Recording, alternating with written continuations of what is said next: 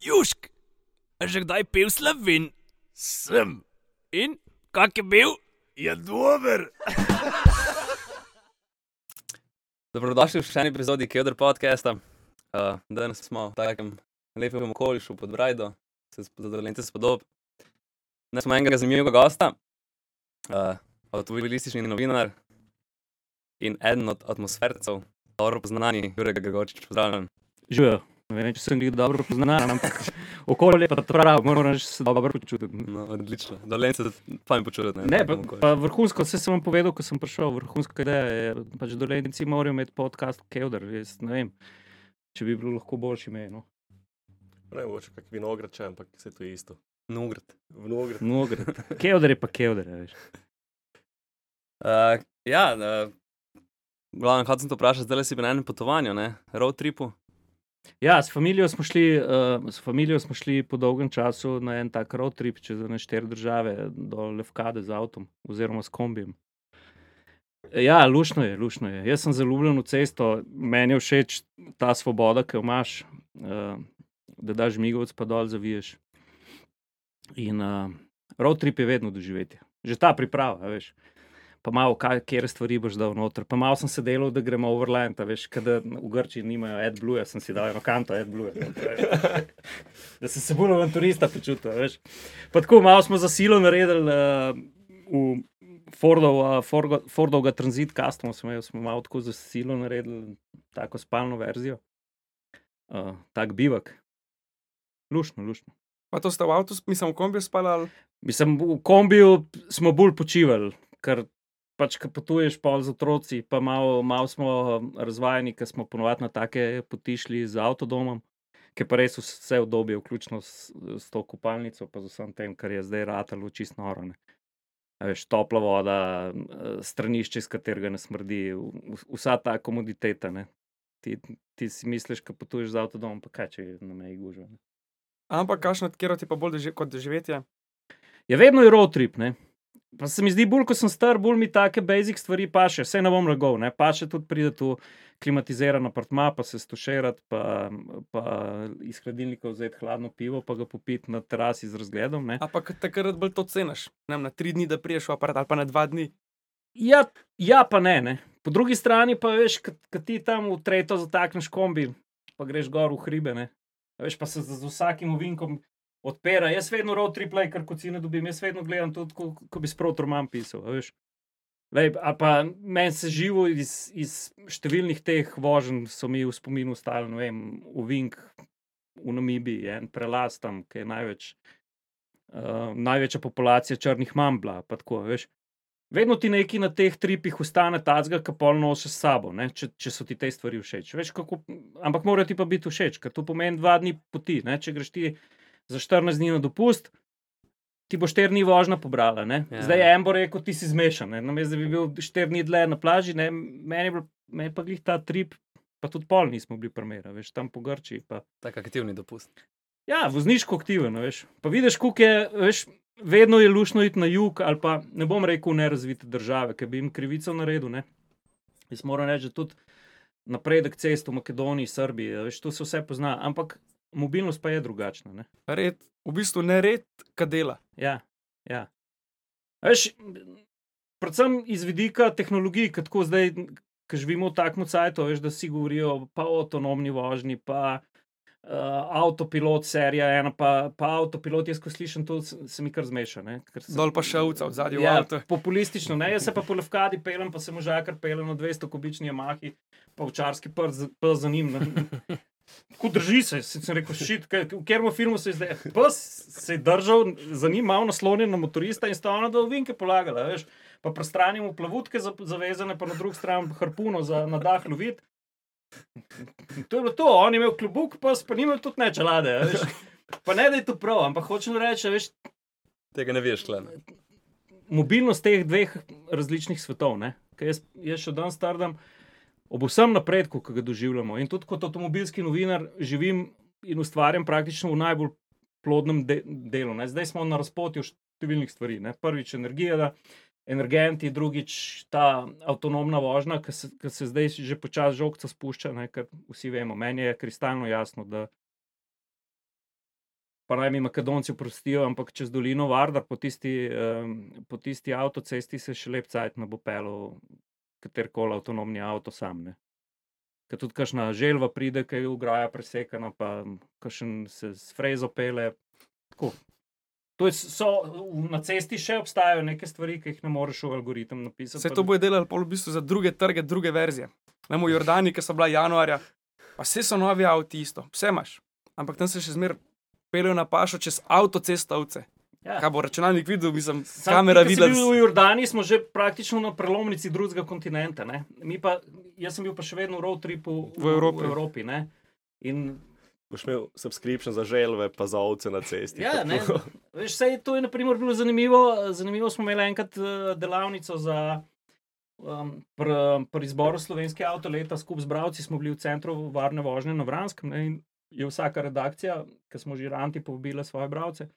In je bil od finalistov tudi Volvo. Ne, in je bilo zanimivo, vse certifikate je pobral najvarnejši, tam se pred naletno tarčo ni ustavil. Ampak smo, pa prišli do zaključka, da on ima v algoritmu napisanih, tukaj pa tukaj veš, Avto je bil pa tam predstavljen pred izziv neke kocke, ki se ni premikala. In... Ne, ima, umetna inteligenca ima zelo veliko prednosti, ima pa tudi omejitve, zaradi tega, ker je cesta tako nepredvidljiva. Ne? Cesta je živ organizem. In uh, veš, ne moreš ti preslikati avtopilota iz nautike ali pa avtopilota iz aviatike v avto. Ne, je premalo prostora. Še Kaj sem te mislil vprašati, eh, kako je pa s tem, ste, recimo, če bi hodil tam v teh južnih državah prespati, recimo na plaži, kako bi, bi, bi šli kakšni redarji ali bolj tako bolj. Mislim, uh, Grčija je še zadnja avtodomarska oaza, taka, ki razumejo, razumejo pa podpirajo biti avtodomarstva. Ne? Veš ti hišo na kolesih za to sabo vzameš, da imaš neko svobodo. Da imaš, glih dan sem gledal en prispevek, mislim, da, da je Hrvaška nacionalna televizija dala, naredila prispevek o tem, kako nekdo pride na morje, pa ne plača niti kune. Ne? In je kazalo, ko so lovili eh, po plažah avtodomarje. Uh, seveda je prav. In tudi jaz mislim, da večina avtodomarjev, kamorkoli pride, uh, državi več da, ko vzame. Ne? Vsekakor.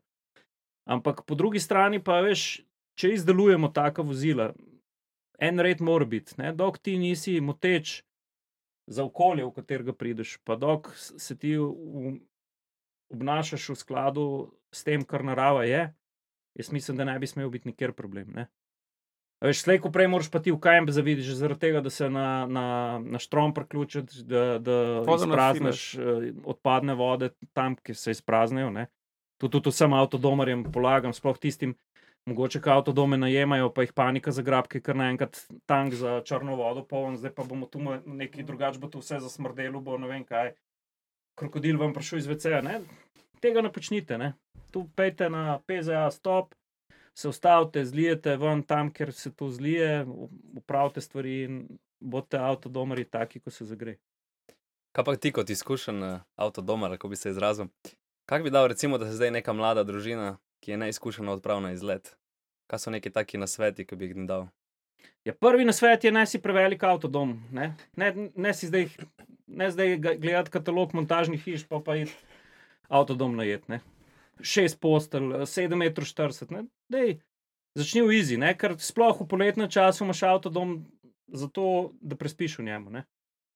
Vse ostalo si ga pa na, si povzem tak avtodom, da boš, da boš čim bolj svoboden. Ne. Se pravi, čim manjši, čim ožji, čim krajši, zato da boš lahko odkril tudi tiste ceste, ki jih drugače s sedemmetrskim ali pa osemmetrskim avtodomom ne bi mogel. Ne. Veš, ljudje pozabijo, da ti v bistvu ta pravi nomad ne, ne rabi veliko prostora za sebe, ampak okrog sebe. Ne. In to je biti avtodomarstvo. Ne. Jaz, če bi zdaj le kupoval tudi avtodom zase, ne, jaz bi si kupil enega dobrega vena, mogel bi imeti štirikolesen pogon, če bi bil še malo dvigen. Pa prej, ko smo s kolegom pogovarjali, ne, če bi imel pa sponzorja, pa bi pa prekršil vsa pravila, kar sem jih zdaj povedal, bi imel pa ekspedicijski tovornjak. Ampak on se pa pol pele tudi po tistih državah, Ker noben ga ne veraš. ki noben ga ne veraš, pa, pa cesta izgubi svoje lepo pošteno ime, pa tudi potovalna hitrost zna past tudi pod hitrostjo pešca ne, na, na določenih delih. Tudi tu smo že doživeli, ampak tu je pa poluna prava stvar. Ni pa tu pol, da bi človek v službo hodil. Kaj temu se reče, pa medcelinsko potovanje. Ne? Edino, če ti je to služba, sam jaz nisem še take srečo.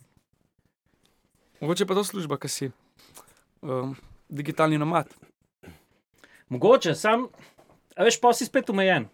na internetu. Ja, pa moraš klicati, ne vem, Ilona Maska, da je uh, Starlink, pa tam le ne dela, jaz sem pa južno od uh, uh, Orta tega pa tega, nekje dol v Patagoniji, lahko kaj obrneš, da bom naš... Ni, ne. Mislim, dejansko denar ne sme biti v vprašanju, da se greš tako stvar. Ja.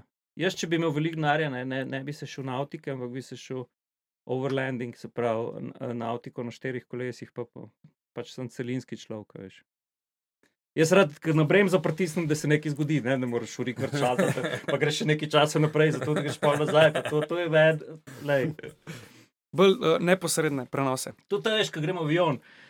Jaz pa sem ogromno preletel, ampak meni še zmeraj ni, ne. Veš, nimam tiste ročke. Ne. Ne voziš ti. Ja, mi, mi manjka. Ko pa gledaš, pa, ko na, na veliko leto, slejko prej prideš v enega tazga, ki je rodil, ne?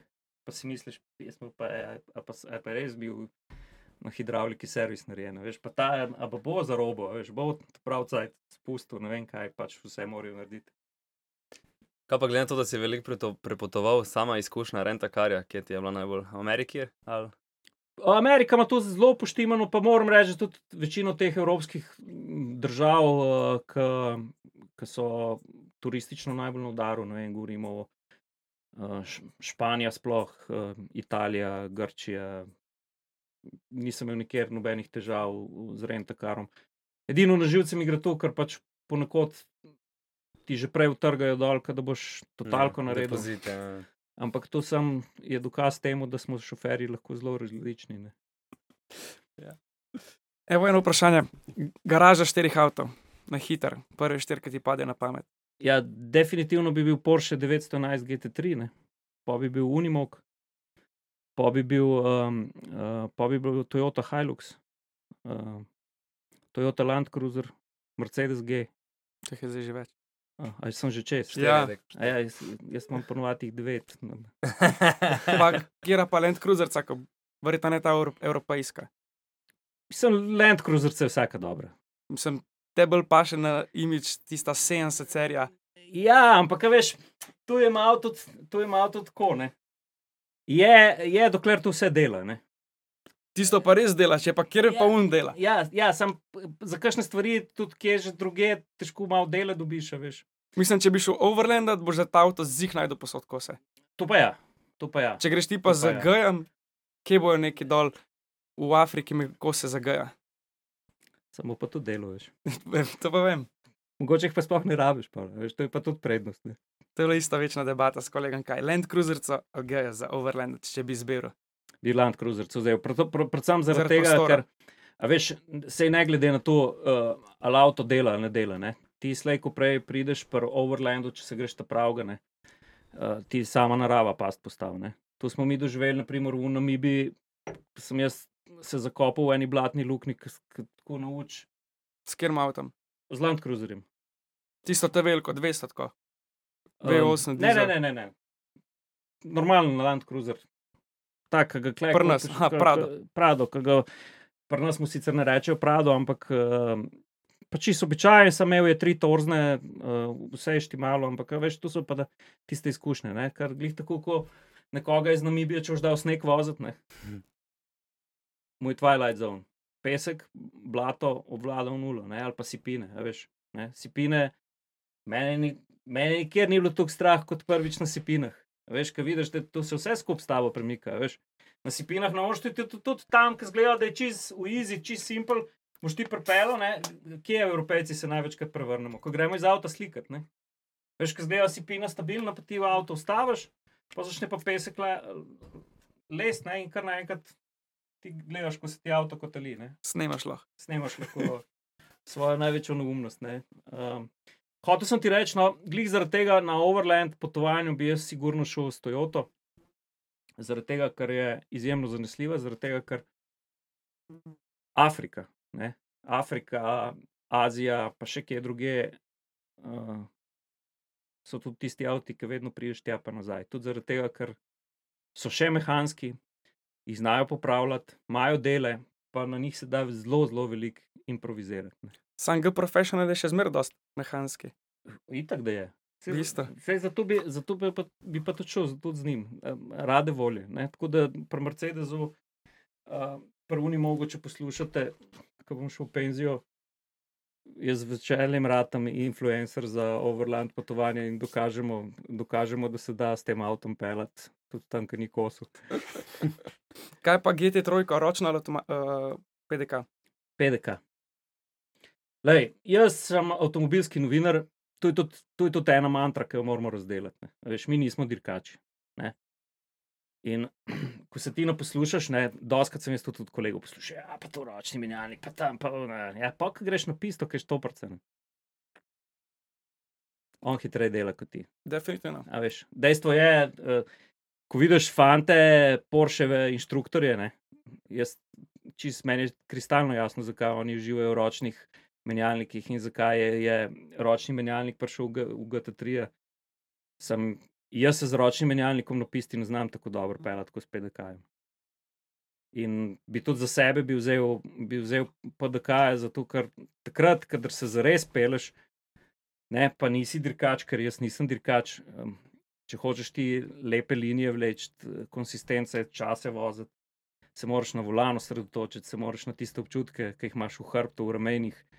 In pa še tam gledal sem za šaltov, ne, veš. Kad, naprimer, zanimiva je izkušnja iz Porscheve šole, kad tam so nas vse učili, ne, ne, ne, ti rekord časa postavljati, ker ga noš postavil, ne, ne masard z avtom. Ti konsistenco vozi, začni njegov jezik govoriti. In pa, ko začneš to razmišljati, si misliš, ja, jaz moram avto poslušati. Ne? Ali pa na finskem, ki sem bil v Porschevi šoli. Ne? Veš, z, naprimer, imajo eno ful dobro vajo, ki je sem krok na zaledenelem močverju, uh, v bistvu pofrezan, da je ful raven. Mislim, površina je ravna, krok ni raven, je krok. Je 360 stopinj, ampak ful velik radi. In ti moraš v bistvu avto spraviti, da poslušaš motor, pa da diferencijali vejo, kaj hočeš od njih, podvozje. Da moraš v bistvu pravokotno spraviti na krok ne, in ga pa vsem zgasem pelati v krok in v krok, ni z volanom, ne, pomik milimetrski. Ne. In to veš, ko začneš, dok, dok tu ne probaš, dok se ti z avtom ne začneš istega jezika govoriti. Pa da začneš poslušati podvozje, da, da sediš prav. Ne. Veš, tu tudi jaz vidim, kle fanti, ene. Pozab. v filmu. Niti nismo mi, bad boys, veš, da, da, mu stan odpele uh, ta hude uvinke. Ne? Ampak, ko začneš ti z avtom isti jezik govoriti, in to je proces. Ne? Mene je noben prepričal, da, da se bo s Porschem 911 GT3 postavil v Istanbul, pa bo z ročnim menjalnikom boljši krok naredil, ga ne bo. Ker se bo slejko prej zašalto, a veš. Tudi ko vidiš, ko inštruktor voz, ne, tam je en eh, radio vinka, pa jaz, kadar grem, kadar imam priložnost, se rad naučim. ne, Veš, tam je brez veze, si ti neki pameten. pa To, ke so vsi fanti desetkrat bolj navoženi, kot si ti. Pa desetkrat več vejo o avtomobilih kot ti, ker sodelujejo pri razvoju zraven, ker točno vejo, zakaj je ta guma taka, zakaj je ta volan nastavljen tako. Ne, tam, tam padejo pol tiste zgodbice, ki mi poslušamo, ali pa ki se neki citati. Ne, jaz v Istanbulu na F1 pisti je en uh, 180 stopinjski uvink, tako širok, mislim, ki se trikrat not radi zamenja. V bistvu imaš tri različne apekse uvinka. Ne. In jaz karkoli sem tam naredil, ali mi je na izhodu iz tega izovinka placa zmanjkalo, ali sem ga imel pa preveč. In pa sem rekel temu mojemu inštruktorju, Akslu, full model, sem rekel, Aksel, da da pa ti pred mano, jaz, jaz tega uvinka ne preberem, Glej, sorry, ne, nekaj narobe naredim, ne vem, kje za muštram z volanom ali, ali nekaj narobe naredim. Ne. No, in pol je se on usedel v Panamero Turbo, ne. jaz sem bil pa v Kajmanu, ki je glih 500 km razlika. Jaz sem mogel krivca, da sem sploh lahko njegove gume gledal. Ne. Jaz sem si sam mislil, kako, kako ta možakar pele. On ima 500 km težji avto. Jaz bi po vseh pravilih mogel biti dve dolžine avta pred njim, ne, če bi bila enakovredna voznika. In pa, ko smo prišli v ta ovink, veš, to je poseben ep, ko ti vidiš enega človeka, ki tako avto obvlada, kaj je on s tisto panamero tam naredil. Tam, po moje, vem, je še en milimeter placa ostalo, pa bi on gume sezul iz, iz filtrne. Tako se je propelo noter, veš. In to je tisti tist čar, ki ti, um, ki ti da, in pol začneš razmišljati, lej, stani malo, ne. Ti raj, najprej se nauči to, kot ti govorijo, pravilno zaviranje, pravilna linija, drža, volan. Veš, pol pa tiste, tu so vse finese. Veš, pol, ko smo telemetrije gledali, pa on meni razlaga, da je Juri, kle si vse prav naredil, kle si vse prav naredil. In jaz gledam, veš, tisto njegovo črto, pa svojo črto na kompu, ne pa na koncu toliko razlike. Ne. Pa jaz ti, Aksel, kako sem vse prav naredil, če kle še toliko placa, ki ga ti izkoristil, jaz pa ne. ne. Pa me gleda prav, Juri, počasi. Ja, ne, ampak le, pač frustrira me to, pehko je, Juri, veš. Kle je znanje, pa je to napredek znanja. Ne. Od te črte do moje črte so pa kohonec. Ne. Po robu moš. In to, je, in to veš, to se moraš s tem ukvarjati, da razviješ tudi vozniški kohonec. Ne. Prej, ki si pa rekel, da zaslužiš, pa da bi bil dirkač, če bi lahko pač zbiral. Kaj bi bil, Formula 1 ali VRC, Strajnostni rejli, jaz bi Dakar pel. Dakar. Meni mora biti malo šotor, pa tu ne te hoteli, pa intervjuji. Pa. Moraš prijeti, pa kamionom pel. Da je avantura. Tatro. Tatro, kamaca, karkoli, veš. Ampak tak, tak, tak stil dirkača bi bil. jaz. Ampak, Mislim, z veseljem bi se, z vesel, lej, ne- neskončno uživam tudi s formulo, smo itak vsi začeli. Ne? Iskati tisto, tisto, kar te je gnalo, vsaj tako, kot sem bil jaz mlad, ne? pa te, pa te eh, epi od prosta, pa sejene, pa tako naprej. Ne? Um, neskončno, neskončno, sem, neskončno uživam v vrtu. Um, tudi, ko prav, prav sedem je spomin ta uh, prvi hrvaški VRC, ne, ki je bil še v času korone, ne, ki je množica ljudi prodrla tam in smo bili v dolini Mrežnice, mislim, da je bil novink tam pri tistem gradu. Ne. Uh, je bil ful dober prizor, ki je bilo tako kot včasih grupa B. Folk ob cesti. Folk ob cesti, jaz pa Saša, pa, pa od mojega bratranca sin smo tam prvi prišli, pa sem jaz tako rekel, da se klenem ni tako nov dopustil. Pa pa Saša, veš kako je, ne? on je rejali vozil. Rekel, se kaj pa se kle, kle ni noben problem, ustanemo. Ne? In smo res ostali in, in se je množica tam ljudi nabrala. In ta prvi VRC, ki so vam, pa, ki si gledal dirkače, ki, se jim je smejalo, veš, ki so preleteli v Vink in je bil grost ljudi. Ne? Veš, se to ni bilo tako, kot res pri grupi B, da bi prav na cesti stali, bila še vedno graja. No? Poj pa Pa verjetno niso tudi na zunani strani stali. uh, Vinka. okrog celega Vinka. A, ok. Pa se zdaj bremze je bolj zanesljivo, kot so včasih. ne. Uh, no, ampak je pa uh, Motonova prišla, ne? pa helikopterji so rekli, stop, ampak takrat so šli že vsi VRC in mim, tako da smo doživeli. Uh, je, je, VRC, So ra razred zase te dirkači, pač ne moreš Ja. primerjati. ja, ampak vsi so dobri, a veš, tudi Formula 1. Ne? Jaz pa Ciril so bila enkrat na mačarskem podirki, ko oni začnejo testirati. Ne? Lej, tu se fantje, ne, čeprav zgleda tu zdaj tako skoraj video igrica. Ne? Ampak vsem drugače, imaš ti 2 metra levo, pa 2 metra Ja. desno, gost. Ne, ta, vsekakor je drugače, izletne cone. Ne, ampak veš, je, tudi, je tudi dejstvo, ne, da tudi varnost, tako kot sem prej rekel, glih za ta Vink, ne, tudi VRC dirkalniki so danes spet nek next level, ne, kot so bili včasih. Ne, veš, pa, pa s tem, pa jaz sem tudi mnenja, da je prav, da je šla varnost naprej. Ne, zakaj bi ljudje umirali? Na derkah in gledalci, in, in dirkači, to je čist nepotrebno. Sam hočem ti pa reči, da tudi v Formuli 1, ne, da, da tisto zverti tam že iz boksa ven, kaj eni pohodijo.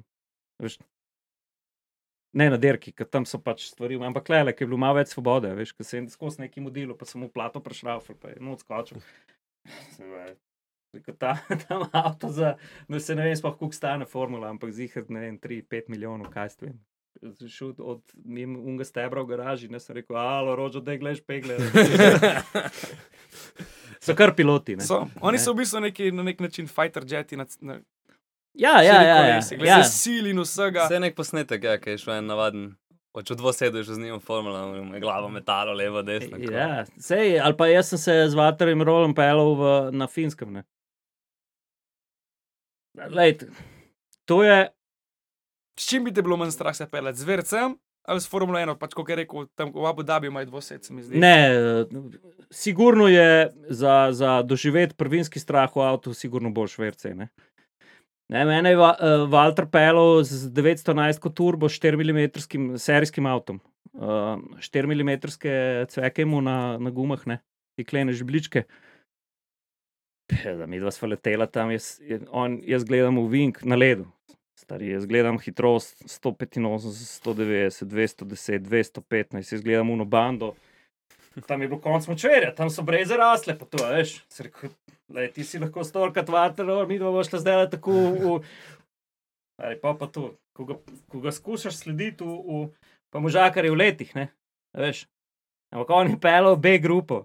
Jaz sem si sam tu govoril, pa da je on je B grupo pelal, pa valjda novo šla kle na finskem, ven, veš. Ali sem tu pred uvinkom. To je una, kaj bi ti rekel, tukaj bi gledal Kondarja v Andih, valjda, da zna jadrati. Ko je on dol zmetal ta avto, pa. Ne, gre do zdaj, kot si mi gledal. Jaz sem sam. Ne dojameš, ne dojameš, tako hitro se zgodi, in takrat veš, da je sam peščica ljudi na svetu lahko voz formulo. Ne? Da tu ne more biti toliko ljudi, ki jih je vrhunskih fuzbalerjev, ne more biti vrhunskih voznikov, pika. In jih tudi ni. Niti ne se vidiš, kakšna je selekcija VRC, kakšna je selekcija v. Ali pa zdaj na zadnje, ki sem se pelil z um, Juto Kleinschmidt v tem avtu, kuprenem dirkalniku električnem. Da ona tisti navor na umu šudru zna obrniti tako, da gre avto, ki je že tako. Ne vem, v mikrofon to ne morem pokazati. da gre polno naravnost. A veš, pa tu š- šiba mim. Pa tam pa sploh, ki pa motorja nimaš, ona ima teh vrtljajev, veš, kle so fanti vseeno vedeli. Um, pa so motor poslušali, pa vse te stvari, kle ti pa en konc tega odreže. Ne? Ti sem šel, un šuder slišiš, ko po karbonu nabija. In bolje nabijalo, bolj se je ona smejala, veš. Tako da, ja. To, je, to, so, to, so, to so posebni ljudje, ki jih jaz zelo spoštujem, pa tudi uh, vse dirkače, s katerimi sem se jaz imel priliko pogovarjati, lahko merno rečem, so to zelo inteligentni ljudje. Ne. Spomnite se tudi zgodbe o, o, o Šumaharju. Jaz s Šumaharjem sicer nisem nikoli delal intervjuja, pa noč, ampak fanti, ki so, pa- ki so pa z njim uh, delali kot novinari, lej, on je na vse nastavitve prišel. Ne. So bili že vsi v hotelih, ja, ali pa je bil z mehankarjem v navezi po telefonu. Veš, tu je tudi veliko enega strojnega izobraževanja, enega znanja, tudi da ti znaš feedback povedati. A veš, tu tudi loč profesionalne novinarje od tistih, ki želijo biti novinarji na mednarodni predstavitvi, sploh pri pr, pr japonskih znamkah, se zvečer zraven tebe usede inženir. In te vpraša, in ti ne moreš tam pol neki bušitirati, pa, pa mu Glumiti. glumiti, ne, ker te bo hitro prebral, pa bo rekel. Ne. ne. Veš, in tudi zato jaz svojo vlogo, ne, mene včasih kdo vpraša tudi s temi novimi družbenimi omrežji. Veš, jaz se nimam za influencerje, tudi ne, ne bom nikoli. Ne. Sem tudi že doskrat javno povedal, da jaz ne bom stole ocenjeval, pa pizzerije, pa to. Pa, pa tudi že dobim ponudbe. Jaz sem avtomobilski novinar, jaz znam o avtomobilih povedati. Ne. In o tem se lahko pogovarjam, ne morem pa jaz ratati. Ali pa, naprimer, bomo dal primer, ne, z atmosferci fajn delamo s Kerherjem. Jaz Kerher, Si Ne, da- še prej. ja, jaz sem imel Kerher prej in, in jaz ne da bom Kerher prom promoviral, ampak jaz to stvar uporabljam. Ne. Jaz sem danes, ki sem malo Excelovo tabelico ali včeraj gledal s tem le sesalcem, ki imam doma. Ne. A veš, Ker tudi to je eh, biti dobrega avtomobilskega uredništva, tudi to, da imaš ti teste na avto popuce, ne da daš ti avto nazaj. Tako, ka, a veš, da se vsi vidijo, da se ni moj, le, kaj bom pazil. Ne. Jaz pred vsakim fotografiranjem avto posesam to. In sem danes malo gledal, kako so s tem sesalcem nar- naredili. Ne. Pa jaz še filtra nisem obrnil, zato ker se vedno mudim, mi gre tu na živce. Ne. Ampak bi mal, in sem rekel, le zdaj, ker sem na dopustom prav tega mojega vedija razdrl, pa bom mal filter spihal na kompresor, pa tako, a veš, ker si tudi on zasluži, ne. Ampak to požre vse, ne. A veš, in jaz stvari, o katerih poznam, ki jih uporabljam, tisto mi ni problem naprej povedati. Za neke ocene hotelov, pa jaz sem nikoli delal. No, da malo presekamo. Kaj pa sami začetka, začetki je za no, humorističnega novinarja? Mislim, to je že od Mehenga, si imel kakšno ozadje, vem, starši ali. Ne, ne, ne. Jaz sem čist, jaz sem čist sam prišel v ta posel in tudi na to sem zelo ponosen. Pač temu se reče najprej entuzijazem, zanimanje. Uh, na srednjo šolo sem hodil na Bajnov. Na Bajnov sem šel zato, ker sem imel Fenda. In sem ga jaz videl, enkrat, ko sem šel spas, sem dol iz Trške gore, ker nisem vedel, kje je srednjo šolo. Uh, odraščal sem pa v Ločni, Plavi laguni. Pa, Bloko. da sem jaz doma. Blokovski otrok. In jaz sem rekel, "Zdaj sem tam pa težko, kaj je to za eno šolo, srednja kmetijska šola, tam imajo Fenda, jaz grem, na, jaz grem tja v šolo. ne." In pa sem leta 94 naredil izpit za traktor, ker sem tudi ponosen. Tudi edini, edini v, v plavi laguni sem imel prvi. Druga leta, ko je za traktor. Ločeski štakori. Tako. Sicer so me eh, tudi kolegi iz bloka, doskrat eh, smo se na ta račun kaj pohecali, pa smo se zabavali, ampak je bilo kul. Cool. Polje se spomnim tudi moj sosed David Filipovič iz. Uh, ki je bil tak radoživ otrok. Iz uh, drugega letnika gimnazije Črnomalske prestopil na Bajnov, pa se je pa sploh žur začel. Pa so bila pa mi dva tandem, uh, blokovski med Glavna traktorista v Ločni. glavna traktorista v Ločni. eh, In, uh, ja, kul cool časi so bili. No, pa pa, veš, jaz se že takrat se spomnim, skozi hm, s- sem nekaj pisal, pa te stvari so mi šle dobro, pa nisem se mogel odločiti, ali sem bolj naravoslovec, ali sem družboslovec, pa še, pa še zdaj sem nekje vmesne. Ja. Um, in uh, se spomnim, je takrat že sošolka rekla, ti nek, ti ne boš to agronomijo, pa, pa kmetijstvo, ti boš nekje, ti boš nekje, ali boš za en sajting delal, ali boš pa na televiziji ali nekaj pač boš počel v tej smeri. Ne, pa, pa je bilo tako, študentska leta eh, in je en moj št- prijatelj iz študenta delal na mobitelu, takrat sploh si Olan ni bilo. In je mobitel lansiral te službe za vsebine in storitve, ki se je začel ta vap črno-bel, veš, Ja. neki na telefonih, že neki novice, pa to, ki bo kao next level od, od uh, teleteksta. Teleteksta. Pa nas, nas takrat noben ni resno ne imel, danes veste, kaj je na telefonih, ne vse. Se še zdaj teletekst. Ja, pa hvala Bogu, da je. No. Uh, Veš vse tipke na pamet. Ja. Uh, no, in se je tam začelo, in tam sem jaz prvič malo z urednikom govoril, in to smo bili še pred časom čist. Praktično ni bilo internetne strani v Sloveniji, ki bi se sploh z avtomobili ukvarjali. Sem jaz takrat za en kratek čas pognal eno avtomobilsko uredništvo, ampak je pa prišel en drug urednik, pa je rekel, ne, da to je prezgodaj, pa da to take sebine še vedno sodijo v klasični mediji, pa se je pa hitro pokazalo, da ni tako. Noč pa se pa že Sijol zgodil, pa sem jaz tam delal še na sportalu, pa sem pokrival predvsem motošport, pa take stvari, pa komentarje za Formulo 1, za, za, za Rally. Pa je pa tam bil Miha Mrljak, ki je pa zdaj, zdajšnji urednik uh, avtomobilnosti, moj prvi urednik. No, z njim so začela pa resno sodelovati, takrat je šlo pa navzgor. Pa takrat je prišel tudi mladi Cirilček, še čupo imel. Uh, in pa sva deset let harala skupaj na Siolu. Te so bili res tako, takrat smo mi pač orali to internetno ledino. In Kaj je to tudi- nekje od 2 do 20? ali? Ja, še to je bilo, ne, to je bilo kasneje, to je bilo, mislim, da 2-5 do tam, da se je res začel avtomobilski internet razvijati, je bilo po eh, letu 2010.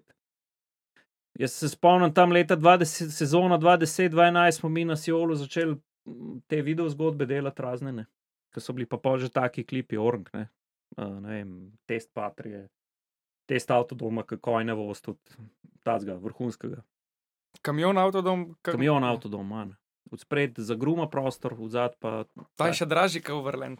ta je, te gredo ne bo. Tam, tam si pej tam po- poišči Stefex, pa si skonfigurira eno skanijo, pa tam je še VO8 not, tudi pa vse take Vsi stvari. jih imaš na mobile, so po milijon pa pojen na gor. Ja, ja, ja.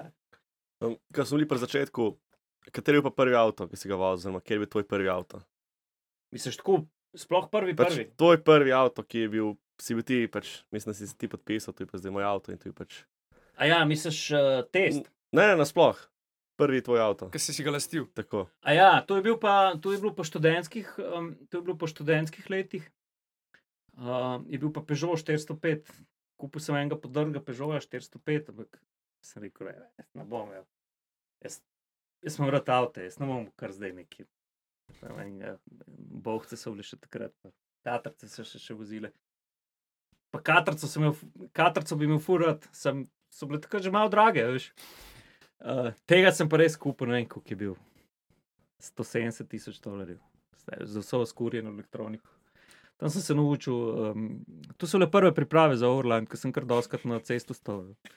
Še tam le me bratranc enkrat z golfom, dvojko šlepo do, do mehankarja, še tak na klasičen način. Ampak le, avto je pa takrat, ko je delo, se je pa lepo pelo, no? tako da mi ni žal za njega, pa bil je taka klasična limuzina.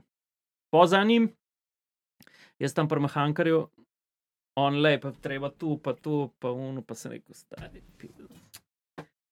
Sem rekel, pa dobro, kaj pa dela, ne? Je prav Japonci, ne? Ja, pa sem rekel, imamo kaj. Pa prav, ja, prejšnji teden sem prodal mojega Subaruja Rangerja, ne? Pa sem rekel, ja. Pa smo pa kupili, nisem sanja.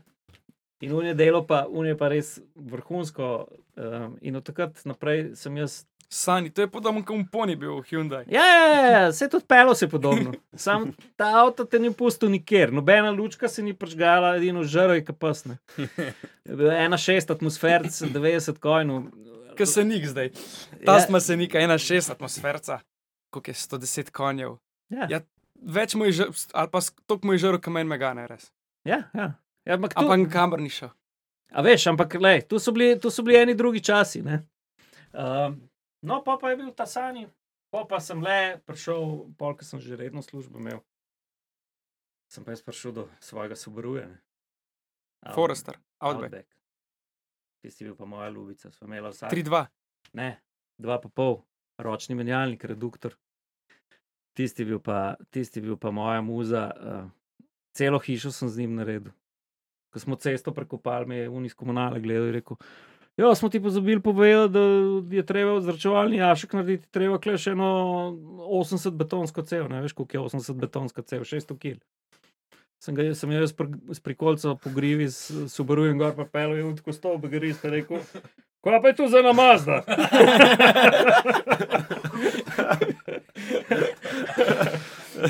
Pa ko je en meter snega tam le na lazih vrglo, smo se po, po vas vozili, sem jaz subarujem pa traktorji, ja, veš, tako da to je bil pa moj avto. In uh, ja, mi žal za njega. Po Ljubljani se pa voz en, ne vem, kaj tiska, je v bistvu aj Forester z milijon kilometri. Kaj ima prvo ja, lepke gor. Ja, sem jaz z njim intervju delal. To je pa možakar, je pa, on je pa furo v relaciji Ljubljana-Švica. In Forester je propisen bil, uh, zrihtan v nulo, naši fanti na Amazonu so ga servisirali. In on se tudi mesi pa nekaj zmenil, subarujem, ne vem kaj, malo sem že pozabil, ampak um, Ampak milijon kilometrov je bil že kar nekaj časa nazaj. ja, ja, tisti avto še dela. Ja, še ga vidiš. Ti se tudi le, jaz, kaj sem, jaz sem redni servis delal, pa štiri žarence sem zamenil, to je bilo pa to. Ne.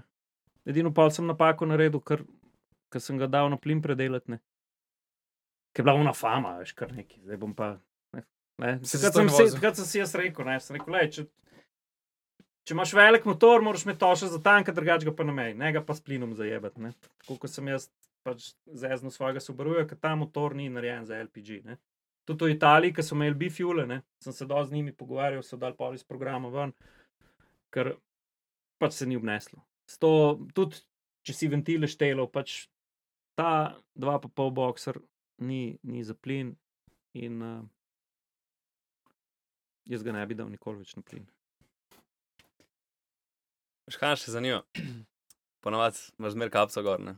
Kakšno imaš zbirko kap, pa kera ti je najljubša? Najljubša mi je nasina, druga ne, nimam vel, velike zbirke kap. Tu imata oba brata več, ona dva imata tiste vse neke basketaše, pa, Po omarah. pa te firme, ali klube, ne firme. No. Uh, Fuzbol, basket. predvsem basket. Ne vem, če NBA. imate kaj fuzbola. NBA, ja. Ja, samo one so drugačne oblike, so malo bolj širše, niso. Ja, niso, niso prav aerodinamične. Une gangsterske. Tiste so bolj take šmek skape, ta, ta dela. Ne. Ta de, nasina dela, pa, pa na atmosferci kapa sem ponosen. Na atmosferci kapa pa nisem, pon- ne zaradi tega, pač, da bi mi neke eh, denarje služili z mržem. Ampak uh, zato pač, ker smo se trije bratje najdel bencinski, ker smo si res čist različni, pa že prej, ker smo bili, ker nismo še sodelovali, smo se vedno dobro razumeli. Pa jaz upam, da enkrat bomo tudi, mislim, jaz si želim, da bi kariero zaključil kot atmosferc, da bi tu čist poln medij ratov in da bi, da bi tu naš bil en tak otrok, kjer bi mi ključe pustili, pa vozniško pol nazaj nesel, pa, pa se nazaj obrnili, pa v, v, v špegu pogledali, pa bi rekli, da nekaj smo pa naredili. Ne. Kako ste se pa vi trije dobili, pač vi ste bila skupaj s Cirilom in uh, Siolo? Ja, pa pa veš, mi dva sva, ki je Ciril začel, eh, ki je Ciril začel s to uh, komotar minuto, ne. takrat se je na, na Siolu že tisti velik avtomoto začel podirati. Uh, smo bili na teh mednarodnih predstavitvah, sem bil jaz doskrat pri njemu v vlogu, pa Saša bil pri njemu v vlogu. ne. Uh, pa smo šli pa, Pa smo šli pa k Tomiču na podcast, nas je enkrat povabil, pa je rekel, da zdaj pa se spomnite, kva ste vi, ne? kva ste vi zdaj, Saša, Jure, neki, ne, nek, neko ime si dajte. Ne? No, pa smo pa rateli atmosferci. Pa, pa je bil odziv ljudi, ne? pa pač ljudi, ki so spremljali takrat, predvsem Cirila, ne? so pa rekli, da je pa, dej, pa, pa začnite nekaj. No, pa se je pa tako naredilo. Um, Gledal sem, da ste bratje benzina, si rekel, ne, oziroma neki tako pač bencinari. Um, kaj bo ta pač Atmosferci, Marka, veš kaj je atmosferc? Nimam atmos- pojma. Atmosferski motor. Ne vem. Najvišji ga vrtiš, pa najlepši pa je. Oh, Ti bomo enkrat narisali. okay. um, pač ta prihodnost, zdaj pač uh, električni motori, Ne ga Eh, tega sprašovati. tu, tu kako kje smo, mislim, ja, ne, zakaj ja, mogoče zakaj ne. Ja. Čistko, ne. Veš, kje smo zdaj? Kje, s- zdaj smo v prihodnosti tako, da ti naložijo. Ne, prej smo se, prej, da smo začeli snemati, smo se v šerpah pogovarjali. Ne? Zahodni alpinisti so, so na vrhovih 8000 čakov izobešali svoje reklame, ne, oziroma svoje zastave, ne, se po prsih tolkali, za njimi so pa šerpe, pa pred njimi vrvina podval, pa njihovo robo so gor tovorili. ne. Zdaj pa tako. Jaz proti elektriki nimam čist nič in imaš tudi do, zelo dobre že električne avtomobile. Sam je pa to skregano z vso logiko, to, kar, smo se, kar so se inženirji borili zadnjih sto let, kar, kar je avtomobil postal širše dostopen. Ne? Se pravi, mene pri elektriki zmotijo dve stvari. Prvič, energijska gostota, drugič, cena tega materiala, pa teža tega materiala. Ne? Sej mi bomo šli tako naprej, da uh, baterija v, v eni hi- hitri petmetrski limuzini ne bo vagala skoraj eno tono. To se bo spremenilo, samo kakšna bo to cena. Ne? Ti si imel, uh, ali imaš megana, trofije. No. Lej, če bi šel zdaj le novega trofija kupiti, pa ti jaz 14 dni nazaj pripeljal testnega megana z opremo tako, kot jo električni avto mora imeti. Mislim, da sem v testu napisal, da je 8 jurjev dražji od trofija. Električen. In to je problem. Problem je to, prej, ko smo se v road tripu pogovarjali, da nimaš, še vedno nimaš te svobode. Ne? Elektrika je čist kul cool stvar. In tudi lej, zdaj le sem vozil prvega električnega ema. Avto, Štirko. ja, avto potegne brutalno, Porsche Taycan potegne brutalno. Sam veš, kaj, veš, kaj je čar bil Porsche. Ne? Ker si slišal, da se dere za tabo. Ne sem to, ampak ti, kukar, kukar dolg, kukar hiter, kukar delaš, si se lahko pelil, postavil si se na črpalki, nalil v desetih minutah in šel naprej. Nam so se oglasili ljudje, ki so si kupili Tajkana. So rekli, le. Jaz sem znal, ob enem ostal na semaforju in ni isto, kar si ob eni Panameri, be- pa veš, da ima od spredi V8, pa pač da je nekaj od avta. Tisto bo pač avto je bil tih, ki je bila zelena, se je odpeljal in to je bilo to pač zgubi tisti čar. Ja. Ja, Avto je tudi motor full velik čar. mi, mi všeč, da daš to zvok, sam, veš tudi zvok pa pre, prežvečeš. Zato, ker, tako kot smo se prej pogovarjali, te avto da še sto drugih držav.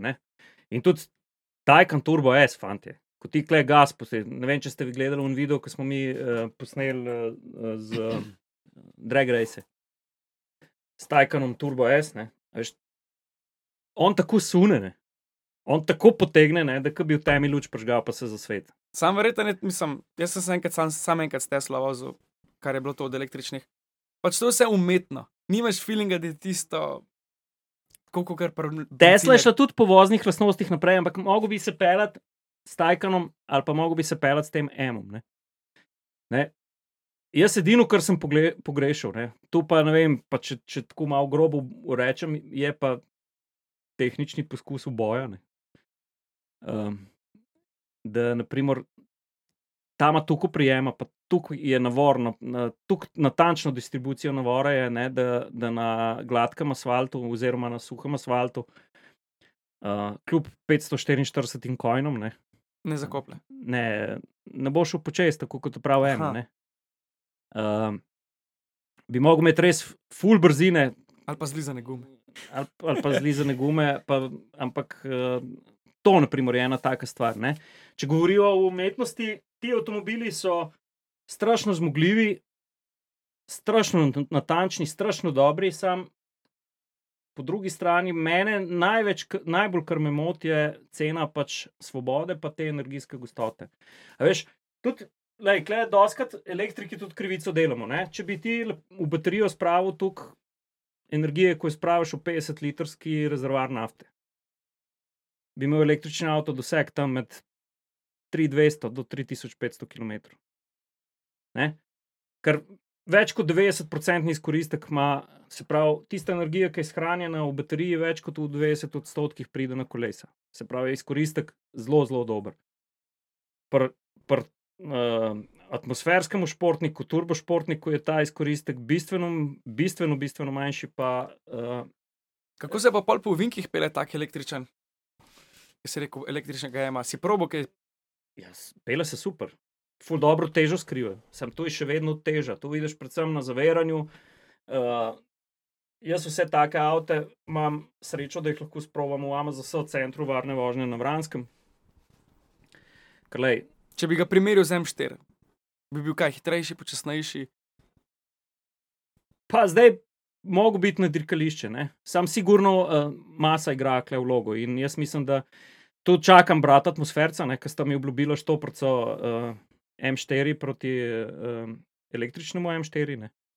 To me zelo zanima, sam, veš, kle, kle sigurno igra vlogo eh, pač masa avtomobila. Pol pod črto, mislim, če črto potegnemo, so električni avti super za službo, ker priješ iz službe, ga daš filat in ga ne rabaš reči do drugega dneva.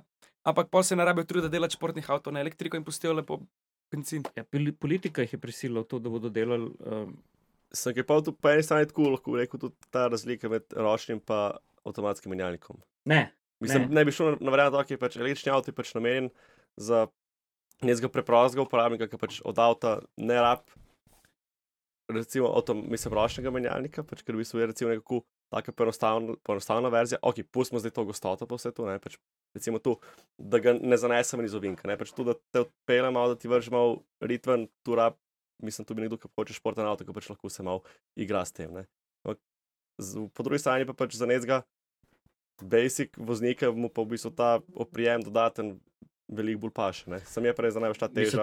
Tudi v- športnem avtu, če, imaš, če ti lahko vso moč spraviš na kolesa, pa je obvladljiva, Mhm. si sigurno hiter, je to prednost.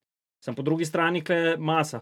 Lej, fora je potem, da zdaj pač to, kar sem jaz tudi že doskrat povedal v atmosfercih na podkastu. Veš, mi smo, Evropa je zdaj pognala pač to famo elektromobilnosti. In zdaj so take milijarde vložene v ta razvoj, da kle ni več poti nazaj. Električni avtomobili bodo in bo jih vse več. In, oprosti, uh, niso slabi avtomobili, res niso slabi avtomobili. In tudi, tako kot rečeš, lej, za, za tri četrt, za tri četrt vsakodnevno porabe so dosegi pri električnih avtomobilih, vsi ok. Ampak zdaj smo prišli tudi v to famo, da so čez dalje večje in teže baterije. Zato, ker smo bili prvič ljudje obremenjeni z dosegom. Lej, predstavljaj si nekdo, ki živi tukaj pod vami v prečni, pa se v novomest na šiht vozi. To je koliko 3-4 km. Nekaj tasga. Veš, on električni avto ne bo rabu filat vsak dan. On se v cel teden vozi. In, in super je, in tudi za okolje je, je super. Ampak, a veš, tu moramo gledati Ni računice tudi za uporabnika. celostno, ne more biti tak avto. Lej, dotaknemo se električnega megana, tako kot sem jaz na testu napisal. Ti si kupil nakrcenega dizla, megana 160 konjskega z avtomatik, menjalnikom, z vso opremo, pa si dal 26 tisoč evrov. Testen avto je bil, mislim, da skoraj 51 tisoč evrov. Megan.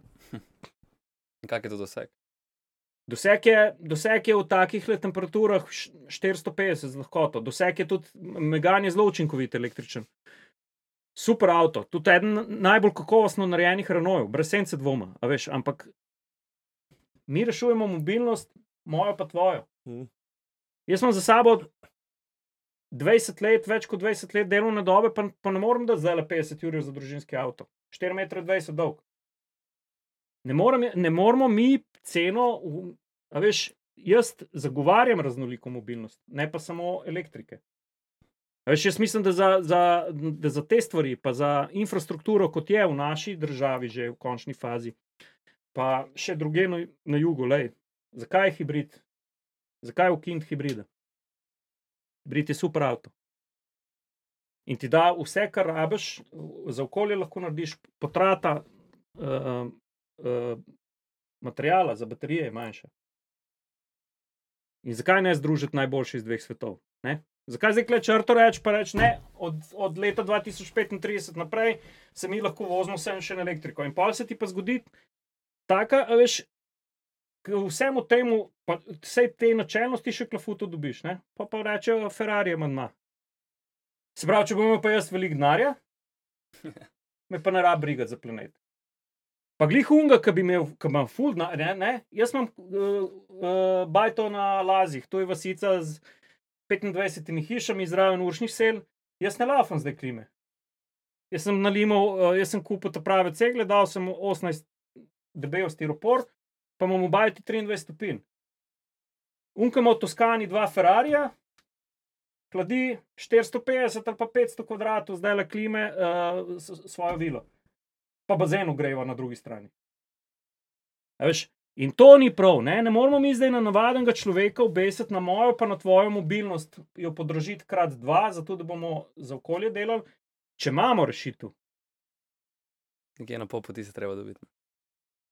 Sej tudi, če bi zdaj le 50 posto se odločili, da bi imeli električen avto, pa da je da doma hitro polnilnico, pa se elektriko vrže. Sej ti tudi celic ne moreš, mislim, Sej- jih zavrača vloge za celice Ja. na streho, ker v mreži ne zdrži. Pač ti tak infrastrukture nimaš, no. Infrastruktura, Energetske. Če smo bili zadnji ni. po številu novo, novih električnih avtomobilov registriranih.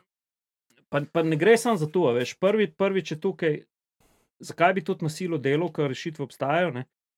Drugič, zakaj je tako našusiti noter, ne? ker vemo, ne, lej, kakšen napredek so avtomobili naredili. Inženirji bodo najdli rešitev, tudi za mene, pa za tebe. Vedno so jo, pa vedno jo bodo. Uh, poleg tega pa ne, prej, ko smo se pogovarjali o teh road tripih, ne? fajn je iti na tak road trip, pa si pogledati, kako. Ne? Jaz v tem trenutku se še ne vidim, da bi se z električnim avtom iz las odpeljal na Levkado.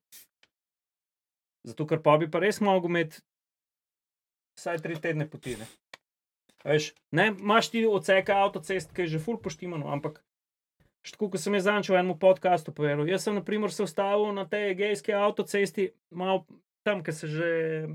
Um, Ki se, ki se že proti um, Jonskem morju, se pravi, ta avtocesta, ki gre iz Soluna proti Levkadi, ne, uh, ki se že proti Levkadi obrneš, je nov krak. Ne, naprimer, sem se na enem zelo, zelo uštimanem cestnem počivališču ustavil, veš. Tam sta bila dva kabla, ki se v Igumenico pripelje trajekt. Je gor, ne vem, tisoč avtomobilov. Kaj, ko bo tam 500 avtomobilov, bodo hotel filati. Bolj da se obrneš, pa greš To pa tudi noč novega nisem videl zabetoniranega, ali pa dve nove trafo postaje tam, a veš, tam ne moreš čez noč narediti pol 50 kablov. To je to, ne? To se bo tako pomikalo od severa, Zače, začenši z Norveško, Švedsko, bo šlo dol počasi infrastruktura. Sem pa hotel enega vprašati, uh, malo sem že kontakt navezal, ker je s to s Teslo tam, ne, pa sem videl norveška registracija, ki me, ki me je malo logistika, pa se ni nič hotel kaj pogovarjati o tem, kako potuje, koliko časa potuje. Tudi ni hotel povedati, ali je prišel, ali je prišel do Benetk, prišel na trajekt do Igomenice, pa polno zdaj naprej potuje. Je bil tako zelo slabe vole videti, pa, pa nisem niti rinil njega. Pa veš, koliko je bila ura. Ja, Mogoče ima prazno baterijo. Pa. je. ja. Ali pa pogledal, mogoče pa ob- obračunavajo po času, polnjenje. Pa. Je bilo mogoče še za Norvežano drugo. Imaš kakšne naj, najljubše ceste v Sloveniji?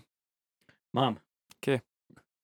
Sigurno je zelo lepa tale, ki jo dnevno uporabljam tudi za testni krok. Do Semiča. Ne, po dolini A. Krke. Tam mi je všeč, potem zelo lepa cesta je uh, proti Vsilnici nad Kolpo, mali vršič, uh, kaj že uraden prelaz. Tam, ki se spuščajo z rolko. To, to, to. Ta je izjemna. Pol dost lepih cest, uh, dost lepih cest je po notranski. Ne? Bela, Bela krajina ima super lepe ceste. Meni je najlepših od Dolenskih gor do Semiča. Ja. In v zadnji vink pred Semičem, dolg desen. Pozdravljeni v Beli krajini. Ja. Ti si najboljši vink Tam greš z motorjem ali z avtom. z avtom. Ja, ampak tam Mislim- pazi, ker tam imaš pol 50, pa jaz pridem na cesto. Noč tam gono. Uh, pa veš, kje je tudi lepo v Beli krajini. Semiča, če se peleš proti. Um, Gradoc. Se pravi, ne zaviješ na metliko, Okay. iz Semiča ven, ker petrol ne zaviješ na metliko, ampak imaš tam par res hudo serijo takih LS uvinkcev med brezami. Um, lepa cesta, ful. Mislim, Slovenija ima lepe ceste, lej. pa Slovenija je sploh lepa, tudi tako. Se veste, zahod, za Seveda, ja. Kevdrme. Uh, kaj pa Jure počne nekaj v prostem času, ko ni z avti? Če bi te tako ocenil, bi rekel, da loviš ribe, no? zaradi brezrokavnika pa kapce. Ne, brez rokavnika je rutina, zato da na poti ne zgubljam dokumentov. To me vsi zabavajo, ampak lej, brez rokavnika imaš to v žepu, sedeš noter. Ka- Učinkovit je. Ja, učinkovit je. Ne, drugače pa Jure v prostem času, uh, Konfigurira overland uh, unimoge. to je to spal zvečer. Veliko odgovarjam eh, na, na vprašanja, ki mi, mi jih ljudje postavijo na Instagramu, tu vse v prostem času delam, ker med službo tu ne morem. Uh, potem uh, fur rad hodim, naravo imam jaz uh, rad. Še vedno med drivom avto v kmetijstvu. Ne. Veš, Te bobnar navdušil. spet. No, ne, tudi že pred Bobnarjem. Uh, predvsem pa res ta narava, pa um, v hribe grem rad. S familijo sem rad, meni familija kar veliko pomeni. Uh, Kako je bilo med korono? Si še kaj novega najdel ali, ali je bila bolj tema?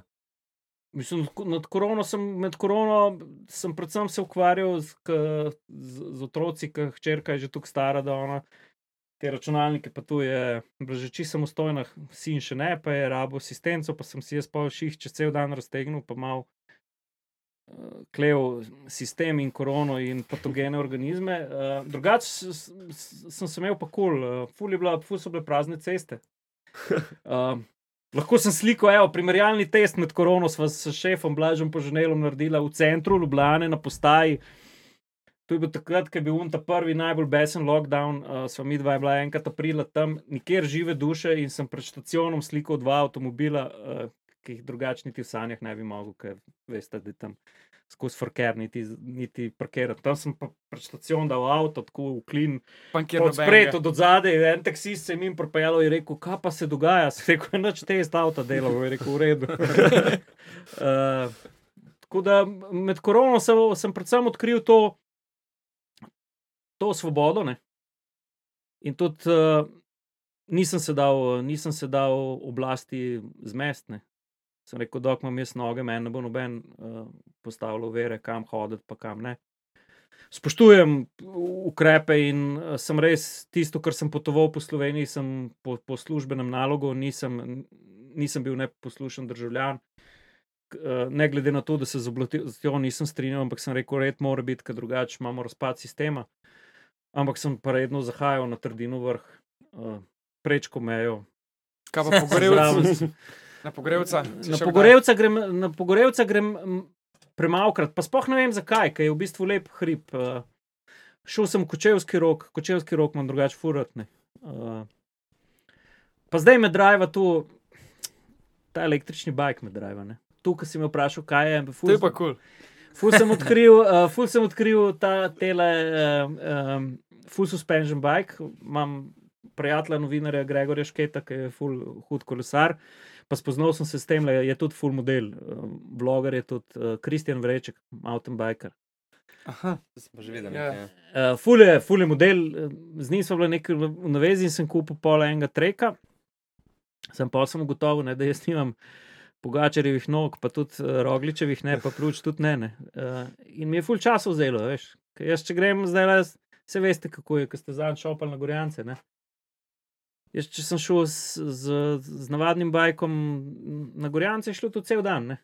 A Veš, Sej, bi tu naredil stotič, bi verjetno bil hitrejši. Pa vse sem jaz, nimam tega časa zraven službe. Ne? In zdaj sem rekel, da uh, se mi zdi, da je pa uh, izberem pogum, uh, da bi si kupil ta pravi električni bajk, sem mi pa spet ne gre skupaj, je pa ista scena, kot pri avtih. ne. Drake, Kaj to 4-4 ure?